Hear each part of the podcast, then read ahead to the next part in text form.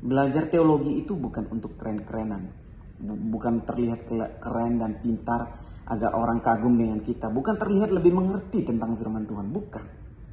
Tapi tujuan teologi adalah menggali setiap firman Tuhan dan memberikan suatu pemahaman yang baik agar orang lain mengerti tentang pesan-pesan Tuhan dalam Alkitab. Tapi tujuan yang paling dekat adalah membuat seseorang yang belajar teologi itu sendiri menjadi pelaku firman sebelum membagikannya kepada orang lain. Dan membawa seseorang untuk mengerti sepenuhnya pesan Tuhan yang terkandung dalam Alkitab dan menjadi pelaku firman itu sendiri. Sebelum sebelum garis bawahi sebelum dia membagikan firman itu kepada orang lain. Sehingga apa yang kita beritakan dan yang kita hidupi dalam kehidupan kita. Dan menjadi contoh bagi orang lain. God bless you.